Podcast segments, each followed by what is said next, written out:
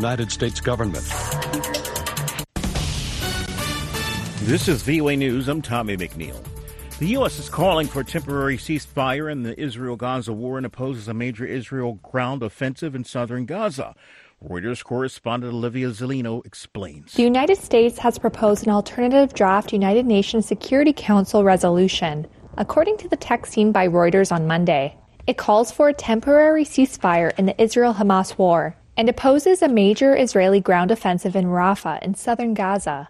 Washington has been averse to the word ceasefire in any UN action on the Israel Hamas war. Israel plans to storm Rafah, where more than 1 million Palestinians are sheltering, prompting international concern. The U.S. put forward the text after Algeria requested the Council vote Tuesday on its draft resolution. That is Reuters correspondent Olivia Zelina reporting. Russia has claimed it has captured the Ukrainian city of Avdiivka. The AP correspondent Karen Chammas. The Russian military has said it has crushed the last pocket of resistance at the eastern Ukraine city's huge coke plant. It said the sheer weight of its troop numbers and greater firepower drove out Kiev's forces. Footage from Russian state broadcaster RTR showed Russian tanks moving through the destroyed city. A Russian commander known as Hermes responded to a reporter asking if the city was under Russian control. Yes, the city is 100% ours. The victory was a morale boost for Russia, days ahead of the two year anniversary of its full scale invasion of its neighbour. For Ukraine, the loss highlighted its dependence on Western weapons, as holdups have left it short of provisions and handicapped in the fight. I'm Karen Chammas. The widow of Russian opposition leader Alexei Navalny has vowed to continue his fight against the Kremlin. Meanwhile, authorities denied his mother access to a morgue where his body is believed to be held after his death last week in an Arctic penal colony. This is VOA News. Residents in Democratic Republic of Congo's city of Goma are depending on scant food supplies as a conflict in the country's east between the army and rebels has cut off supply routes. Reuters correspondent David D- David Doyle reports. Clashes in towns and villages around the provincial capital have escalated since the start of the year. As the M23 rebel group has seized territory, thousands have sought refuge in Goma. Around 135,000 have fled the town of Sake in the past week, according to the United Nations Refugee Agency. They join hundreds of thousands displaced around Goma since 2022 due to the ongoing fighting. The UN agency has warned that the conflict, including indiscriminate bombing, risks exacerbating the strain on already limited resources to cater for the influx. Reuters' David Doyle.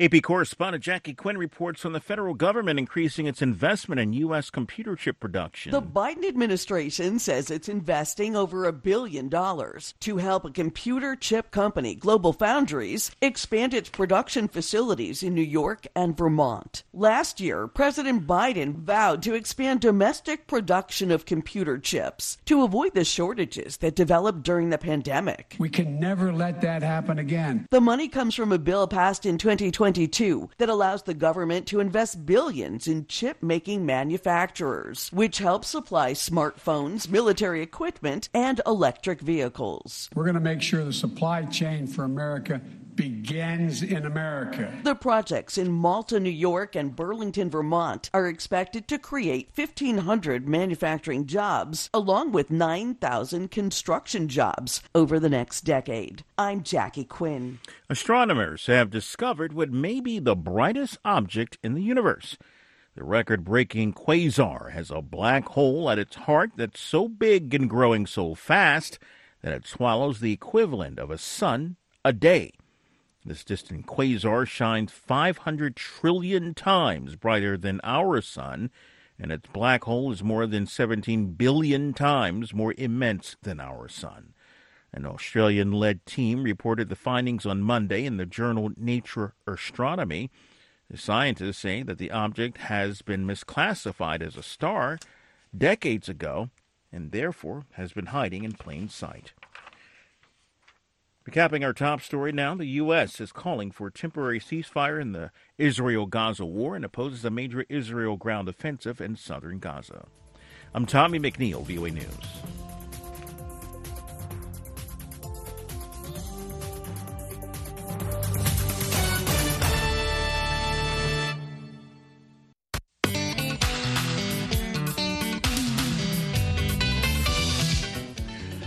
Good morning, Africa. Welcome to Daybreak Africa from the Voice of America. I'm James Butty in Washington. Today is Tuesday, February 20th, and here are some of the stories we are covering. Tensions escalated between Somalia and Ethiopia over an incident at the African Union Summit. This morning, when I prepared myself to attend the closing session of the summit, the Ethiopian security has blocked my way. They refused me to come out of the hotel. Fuel tanker driver strike in Nigeria over rising operational costs. Meanwhile, the ruling APC party rejects opposition calls for President Bola Tinubu's resignation. Guinea's military junta dissolves the government. The military didn't say anything concerning the reasons behind the dissolution of um, the government, but it's like that um, they seems to have had enough of um, the civilian government.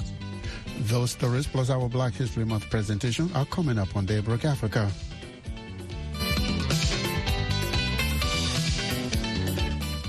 Tensions between Somalia and Ethiopia escalated over the weekend following allegations by Somali President Hassan Sheikh Mohammed that Ethiopian security forces tried to bar him from attending the African Union summit in Addis Ababa. The incident comes amid an ongoing dispute between the two countries involving the breakaway region of Somaliland. Ahmed Mohammed reports from Mogadishu. Speaking to journalists before cutting short his trip, Somali President Hassan Sheikh Mohamud said the actions of the Ethiopian forces were part of a grand scheme by the Ethiopian Prime Minister Abiy Ahmed to annex part of Somalia. This morning, when I prepared myself to attend the closed session of the summit, the Ethiopian security has blocked my way. They refused me to come out of the hotel and go on with my cars and entourage. The actions of Ethiopia as of today is to annex part of Somalia to Ethiopia and to disrespect the African Union summit participants are me. The Somali president eventually gained access to the meeting, entering with the security team of the Djibouti president Ismail Omar Guelleh. The Ethiopian government has rejected Mohamud's claim and said the Somali leader and his delegation declined to be accompanied by a security detail assigned to him. Matt Bryden, co-founder of Sahan Research, a policy and security think tank, thinks it's not easy to apportion blame because there would have been a breakdown in security protocol. Either the Ethiopians unreasonably denied access to the president and his security detail, uh, or the Somali security uh, personnel escorting the president were trying to bring weapons into a location into which they were not permitted. The claims by Mohamud escalated tensions that are already running high because of an agreement signed New Year's Day between Abiy and Somaliland's president Musa Bihi. The memorandum of understanding would grant landlocked Ethiopia access to the Gulf of Aden to build a naval base. In exchange, according to Somaliland, Ethiopia would recognize it as an independent state. Ethiopia, however, said it would merely consider that possibility. Somalia, which is still considers Somaliland part of its territory, is insisting the agreement be cancelled. The African Union has called for dialogue to solve the issue, but a former Somali government minister, Abdullahi Godah Barre, says that is not possible right now. Uh, Barre says the negotiation called by the African Union is not good at this stage. He says dialogue is always good, but Ethiopia has to retract the deal so that the dialogue will be without conditions. No one, he says, will accept negotiations based on annexation. Ethiopia has not explicitly rejected Somalia's annexation claim, but Abiy said this month that Ethiopia does not wish to harm Somalia. According to Bryden, the issue is complicated by Somalia's dependence on Ethiopian troops for security in southwestern parts of the country. Somalia has still not called for Ethiopian troops to leave southwestern Somalia, which would be disastrous because presumably places like Beledweyne, Bulaburti, Baidoa, and other towns would fall into the hands of Al Shabaab if Ethiopia were to do so. Ethiopia and Somalia have long history of tensions and have even gone to war with each other. However, in recent years, the two countries have enjoyed relatively friendly relations. Ethiopia currently deploys its troops into Somalia within and outside the African Union framework. Ahmed Mohamed for VOA News, Mogadishu, Somalia. Guinea's military junta on Thursday dissolved its government with no indication when a new government would be announced. Reuters quotes the Secretary General of the presidency as saying directors of cabinet and the Secretary Generals and their deputies will be in charge until a new government is appointed. Reporter Karim Kamara in Conakry tells me the junta has also ordered all sacked ministers to turn in their government issue vehicles and banks to block their accounts. The military didn't say anything concerning the reasons behind the dissolution of um, the government this evening. But it's like that um, they seems to have had enough of um, the civilian government because um, the government was led by a civilian, Bernard Goumou, and they have been tainted with a lot of accusations of widespread corruption, bad governance, human rights abuses, and all the rest. So it's like that they have had enough. But um, people are also waiting to get full explanation from the government because um, the way um, the government was sent out is quite unusual in Guinea. What do we know about the prime minister? What is his status now? Well, uh, Bernard Goumou is now an ordinary man as any Guinean. He was a prime minister before he was the minister of commerce, before he became an interim prime minister and then became a prime minister. Now he has left, he has become an ordinary Guinean like any other Guinean on the street. So what now will lie on him is what he did when he was a prime minister, whether he worked well to satisfy Guineans, whether he was able to meet the needs you know, of Guineans, whether he was able to at least to meet the expectations of Guineans. This is what there will be the aftermath and uh, all things that will follow him after today. Do we have a new government in place? Mm, well, not yet. Nobody has been appointed as prime minister or a member of government. But from what we heard from the communique uh, is that all permanent secretaries will, as from tomorrow, act as interim ministers in the department until the government is appointed. So that is what we had in the communique. Sorry, we had in the communique and read by the Secretary to the President, General Amara Kamara. Guineans have been going through some economic difficulty, particularly since the uh, fuel explosion. What do you think now the dissolution of this government mean for the economy? Well, it is hard to say because not only the civilian, um, the outgoing members of government were accused of widespread corruption, but even members of the junta, because the government, because they staged their coup and appointed these civilians to help them rule, you know, or lead the country.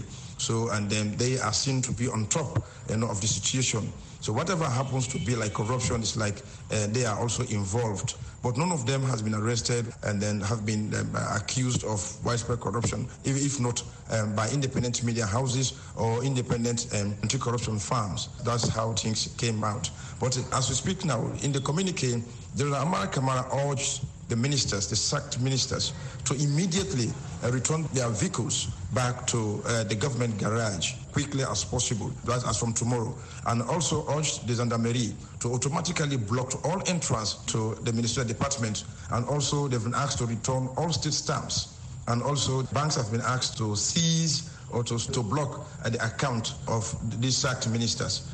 You mentioned earlier about the U.S. charge d'affaires in Guinea and uh, the recent uh, fires in Guinea and the firefighters. Indeed, yes. The U.S. Embassy here has done something exemplary, which no embassy has ever done in Guinea to uh, appreciate and to compensate citizens who indeed put their life at risk to save the life of others. And that is what happened. Because during the uh, fire outbreak at the fuel depot here in Conakry, hundreds of Guinean firefighters took part. Even some of them got wounded, but they were able to rescue a lot of people alive. So this is what the U.S. Embassy here in Conakry decided to say, look, we are going to compensate these guys for what they have done. And that has been applauded by Guineans. That's reporter Karim Kamara speaking with us from the Guinean capital, Conakry. The Secretary General of the Nigerian Union of Petroleum and Natural Gas Workers Association says he's hopeful that the fuel tanker driver strike, which began Monday, would be resolved today, Tuesday. According to Reuters, the drivers went on strike on Monday over rising operational costs due to the recent second devaluation of the Naira and the state of Nigeria's roads. Olawale Afolabi tells me that ne- negotiations for better freight, freight rates will continue today, Tuesday. Since the deregulation by this regime, which means that government has no control over the prices in the industry, especially in the downstream. Unfortunately, because of the economic situation of the country now, it has not been a full deregulation as it's supposed to be because, you know, we are importing PMS into the country. The landing cost of PMS per liter in Nigeria are above 1,000 naira. But the prices at the petrol station is still around 600, 650, which is below the actual cost price. And the owners of the truck, they've been on fixed freight rate for the haulaging of this product. Most of these products are taken by truck from the depot or the refinery to the filling station. So the haulagers, the owner of the trucks, who are the employers of the petrol tanker drivers, are the ones that decided not to release their trucks for operations. As long as they are not releasing their trucks for operations, the petrol tanker drivers cannot work. So it's actually not the workers that are on strike, but the owners of the trucks are the ones that withdrew the trucks from the road, protesting the inadequacy of the freight rate. They said the business is not sustainable with the current freight rate they are giving them. So actually, we are not on strike. It is the owners, Nigerian Association of Road Transport Owners, the owners of the truck that decided not to make available their truck for drivers to drive. So who do you think can provide solution? I just came back from a meeting now with the federal government. The Minister of State for Petroleum invited the Nigerian Association of Road Transport Owners, invited NUPE, that is Nigerian Union of Petroleum and Natural Gas Workers, of which I'm the General Secretary, and of which petrol tanker driver is a branch of. We just left the meeting. The meeting will continue tomorrow. We have told them the major marketers will come around tomorrow, so there will be further discussion and negotiation. Total is one of them. Total is offering an increment already, which is not satisfactory to the owners of the truck. The Nigerian National Petroleum Company, a retail outlet of NNPC, is also going to be there. They are also offering some amount of money and I think the negotiation and discussion will continue tomorrow by two. Economically, uh, things were already not going well. What is the impact of this strike on commercial activity in Nigeria? Yeah, the problem is about panic buying because I believe that there are well in the stations, and uh, one day, two days shouldn't have uh, so much impact the products that are in the depot, in the stations, will be getting dry. But hopefully, I'm very sure that solution will be found tomorrow. Olawale Afolabi is the Secretary General of the Nigeria Union of Petroleum and Natural Gas Workers.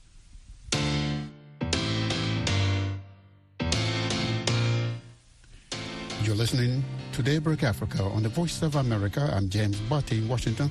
Today is Tuesday, February 20th. For more Africa news and features, visit our website at voaafrica.com. Connect with us on all social media platforms. We are on Facebook, Twitter, and Instagram.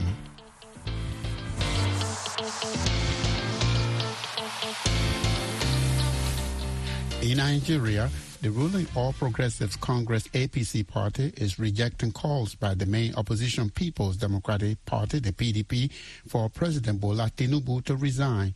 This after governors of the PDP said the president should resign if he cannot fix the prevailing economic conditions, which the opposition says are making life difficult for citizens. It comes after labor unions threatened to embark on a strike due to inflation and what they say are sharp increases in the prices of food and services.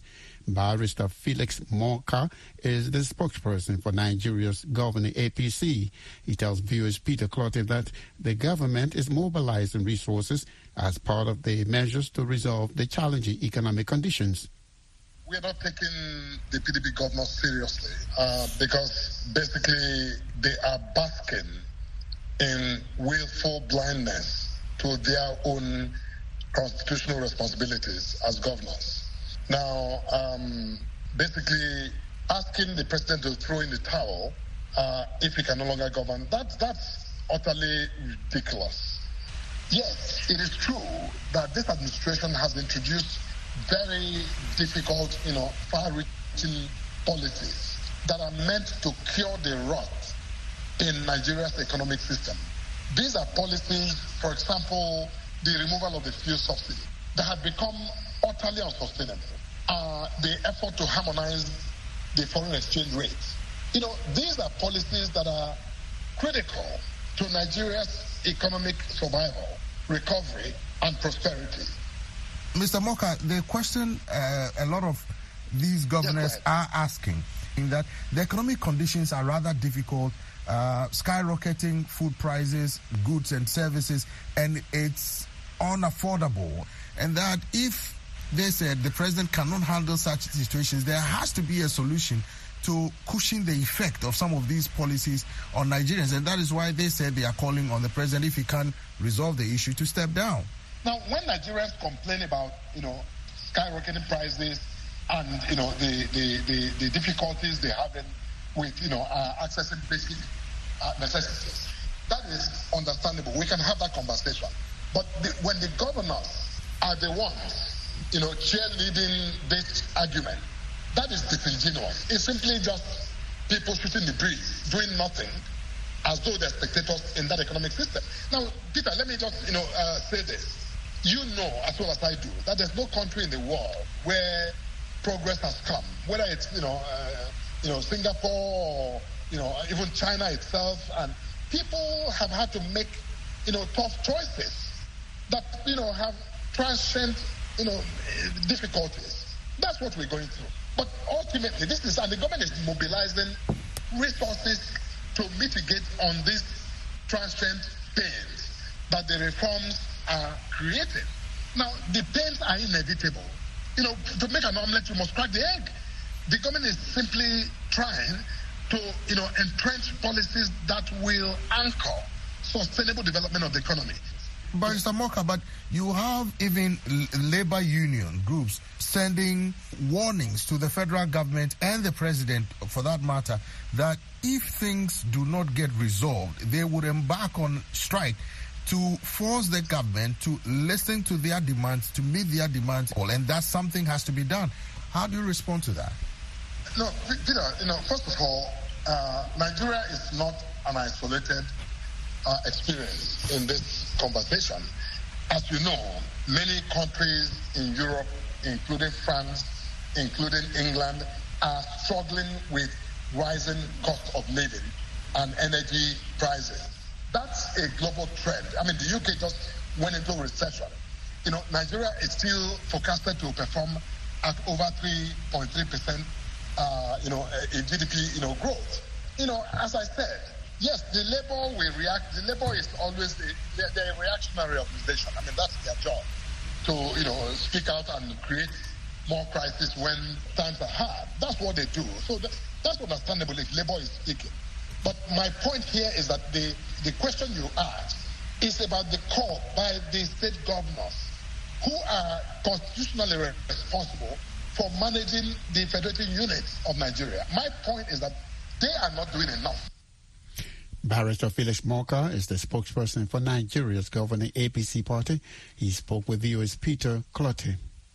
Anti-Rwanda demonstrators burned Western countries' flags on Monday in the city of Goma in Eastern Democratic Republic of Congo, accusing the countries of supporting Kigali through the M23 rebels and AFP journalist Saul.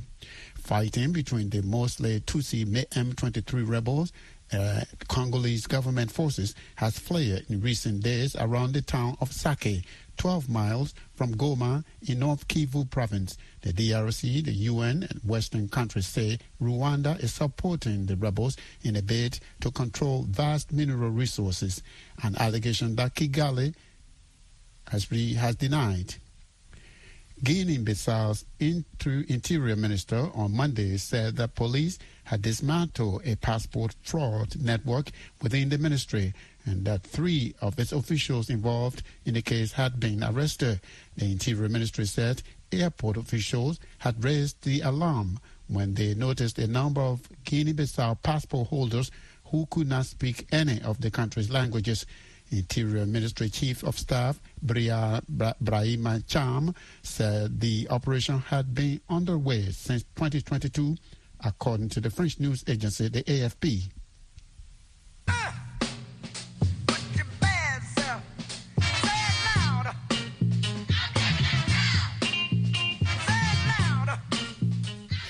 It is time now for our Black History Month and African History presentation for today, February 20th. On this day in 1927, Sidney Poitier was born in Miami, Florida. He became the first African American to win an Academy Award for his role in the movie Lilies of the Field. Poitier was also the first black to play a leading role in an American movie without reference to his race. He died January 6, 2022. Also today in 1895, Frederick Douglass, African American spokesman and abolitionist, died in Anacostia Heights District of Columbia, which is Washington, D.C. He was 78 years old. Douglass was born a slave in the state of Maryland on February 14, 1817. On this day in 1963, retired NBA player Charles Wade Barkley was born in Leeds, Alabama. In 1993, Barkley was voted the NBA's most valuable player and during the NBA's 50th anniversary, named one of the 50 greatest players in NBA history. Since retiring from the NBA, Barkley has become a successful color commentator on basketball for the U.S. television network TNT. On this day in 1988, best-selling and Grammy award-winning singer Rihanna was born Robyn Rihanna Fenty in St. Michael, Barbados. Her mother is of Guyanese descent. Did you know that Granville T. Woods was a 19th century inventor known as the Black Thomas Edison for his electrical engineering? Woods was born a free man on April 23, 1856 in Columbus, Ohio. He taught himself electrical and mechanical engineering while working in railroad machine shops and steel mills. In 1887, Woods developed a device he called synchronous multiplex railway telegraph. The device not only helped dispatchers locate trains, it also allowed moving trains to communicate by telegraph. And on this day in African history in 1951, the first parliament was opened in the British colony of Gold Coast, known today as Ghana, as part of the long process towards self-determination. Two weeks after, Ghana became an independent nation on March 6, 1957. Those are your Black History Month and African History facts for today, February 20th.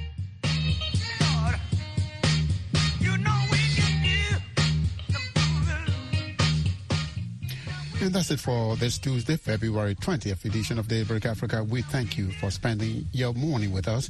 For more African news and features, visit our website at voaafrica.com. Connect with us on all social media platforms. We are on Facebook, Twitter, and Instagram. We are also on YouTube, where you can watch our TV shows Africa 54, Straight Talk Africa, and Red Carpet. On behalf of the Daybreak Africa crew, I am James Barton, Washington, wishing that you will have an amazing Tuesday.